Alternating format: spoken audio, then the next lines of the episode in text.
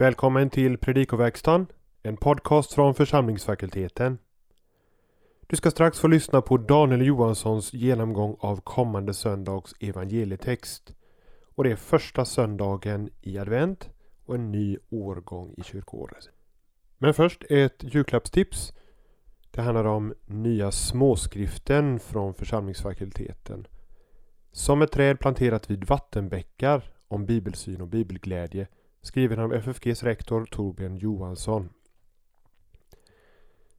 Det handlar både om vår syn på skriften och det knyter an till något av FFGs teologiska profil men också den glädje och välsignelse som kommer av att bruka skriften enligt skriftens egna anvisningar.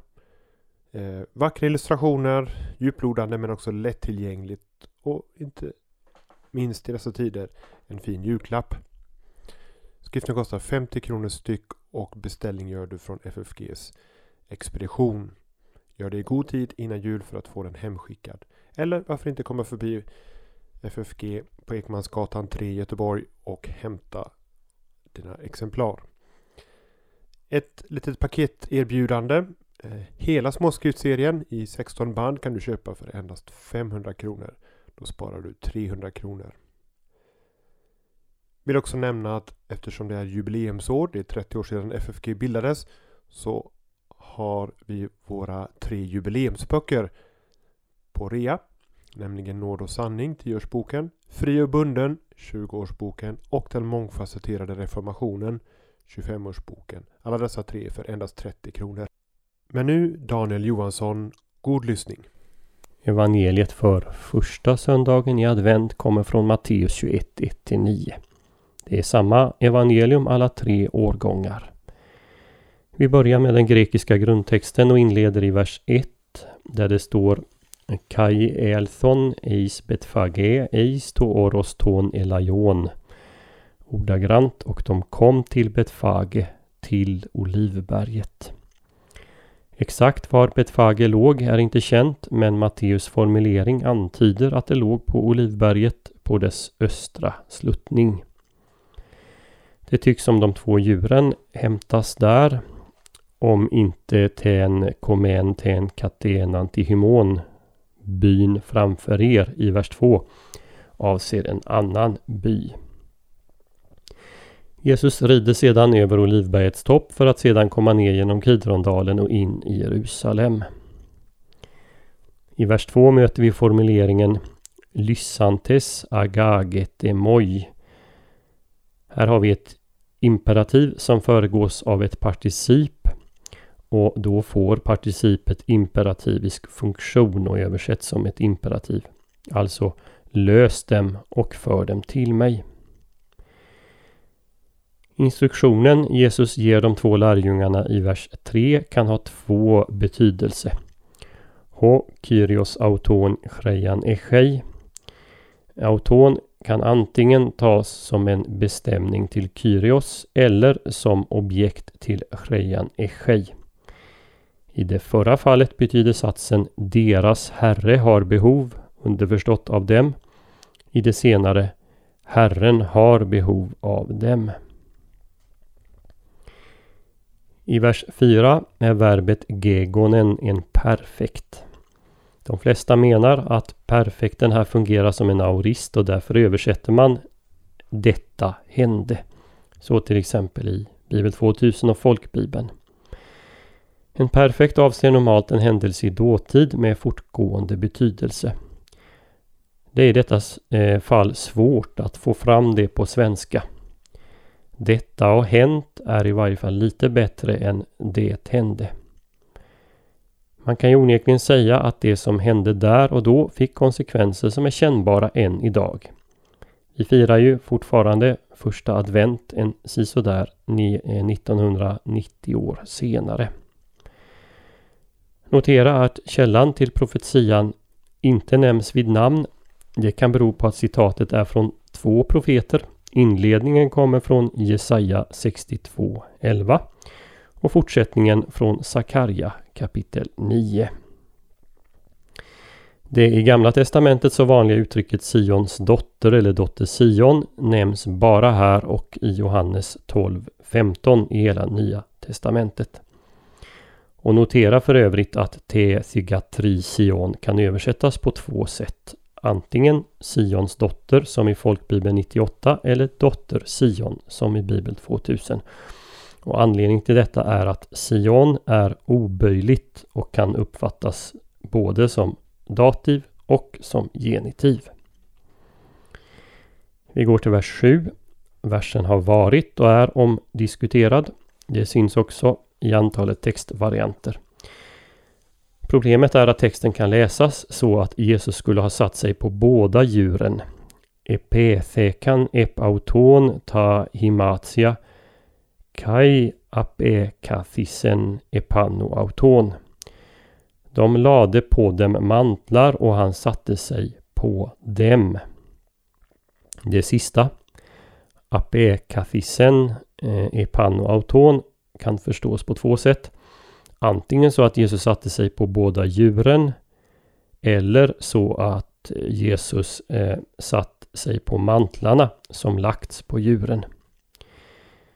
Utifrån sammanhanget är det senare det troligare alternativet. Både Bibel 2000 och Folkbibeln löser problemet genom att inte utsäga vad Jesus satte sig på. Man bara översätter och han satt upp. Vi går vidare till vers 8 som inleds Ha de pleistos ochlois. Det betyder antingen den mycket stora skaran eller den större delen av skaran. I vers 9 ropar folket Evlo, eh, Evlogemenos HR Chomenos en onomatikyrio. En onomatikyrio kan gå både med HR Chomenos som det gör i de flesta översättningar eller Evlogemenos. Och då får vi antingen Välsignad är han som kommer i Herrens namn eller Välsignad i Herrens namn är han som kommer. Den senare förståelsen har stöd i psalm 118.26 där orden står i en parallellism med Vi välsigna er från Herrens hus. Frågan är dock om det inte skett en förändring av förståelsen på samma sätt som med Hosianna-ropet som ursprungligen var ett rop på hjälp men som av allt att döma vid Jesu tid fått funktionen av ett allmänt jubelrop så som det har i den kristna kyrkan idag. Avsnittet har en enkel struktur. Vers 1 ger oss bakgrundsinformation. Vers 2-3 återger Jesu instruktioner till två lärjungar. Vers 4-5 talar om hur händelsen uppfyller vad profetian lovat. Och resten av avsnittet återger hur lärjungarna utför Jesu befallning och vad som sker därpå. Titeln Herren, Kyrios, återkommer två gånger och binder samman avsnittet. Herren behöver åsnan. Det är i Herrens namn Jesus hälsas. Texten står i ett nära samband med det eh, Matteus berättar omedelbart innan om hur två blinda vid Jeriko får sin syn. Ett ovanligt stort antal gemensamma ord återfinns i båda berättelserna. Och de här har jag eh, räknat upp i en handout som finns på FFGs hemsida under fliken Predikoverkstad. Den viktigaste likheten är att de blinda männen två gånger tilltalar Jesus förbarmade över oss, Herre Davids son.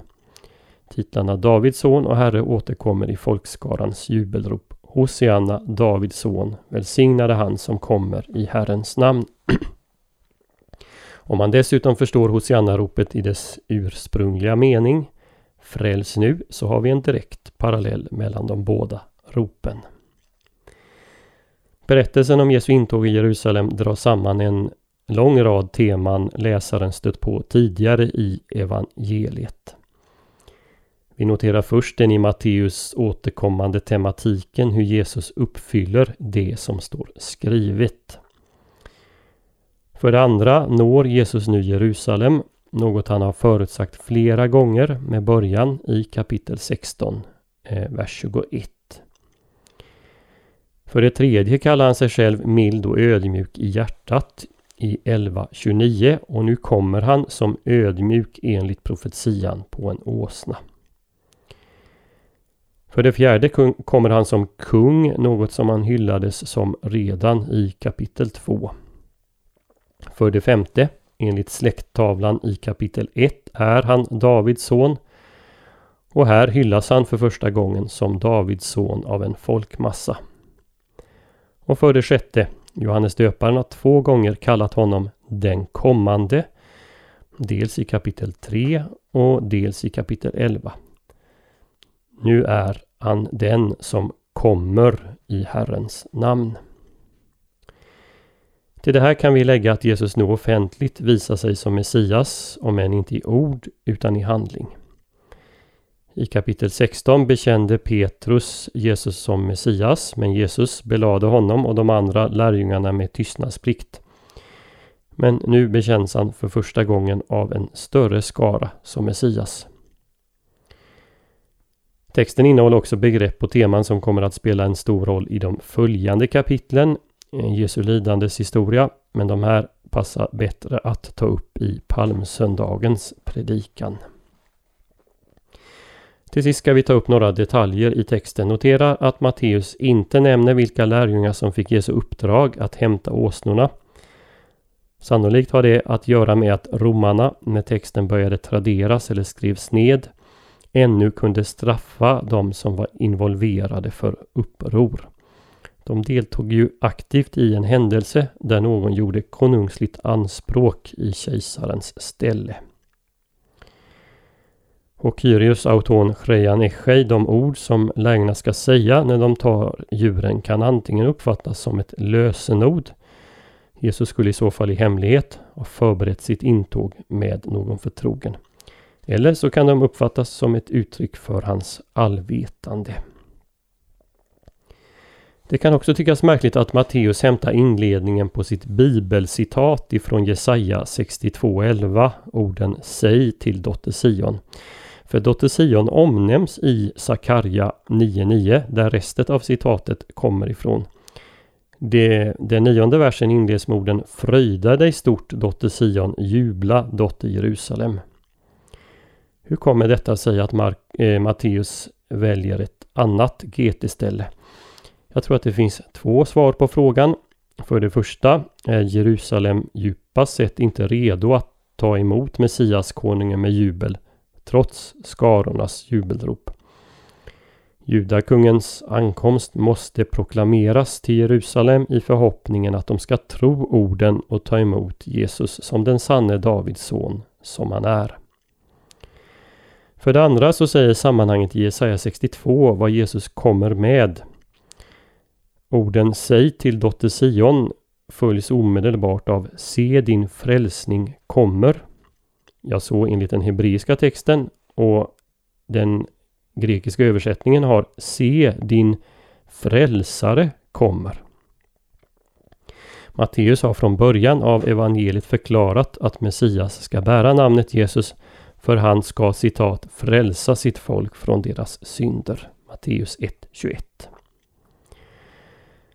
när Jesus beskrivs som ödmjuk, på grekiska praus, är det samma ord Jesus använder i saligprisningarna i kapitel 5. Saliga är de ödmjuka, de ska ärva jorden. Till sist noterar vi en viktig parallell till Johannes döparens verksamhet. Han var enligt Matteus 3.3 satt att bereda väg för Herren och så uppfylla profetian från Jesaja 43. Vid intåget i Jerusalem sker detta i bokstavlig mening. Noterar att Matteus inte nämner några palmkvistar eller viftande med dessa. Istället lägger han enbart fokus på att folket lägger kläder och grenar på vägen framför Jesus. När de sedan ropar att den som kommer, en annan anspelning på Johannes döparens ord om Jesus, den som kommer i Herrens namn, så är det möjligt att vi ska förstå orden så att Jesus inte bara kommer i Herrens namn i meningen på Guds auktoritet, utan att han verkligen bokstavligen kommer med namnet Herren, det vill säga Guds eget namn. Det är ju för Herren, JHVH, i Jesaja 43 som Johannes döparen bereder väg. I så fall gör texten om Jesu intåg i Jerusalem ett mycket högt kristologiskt anspråk för Jesus. Jesus är både Davids son, Messias och Herren.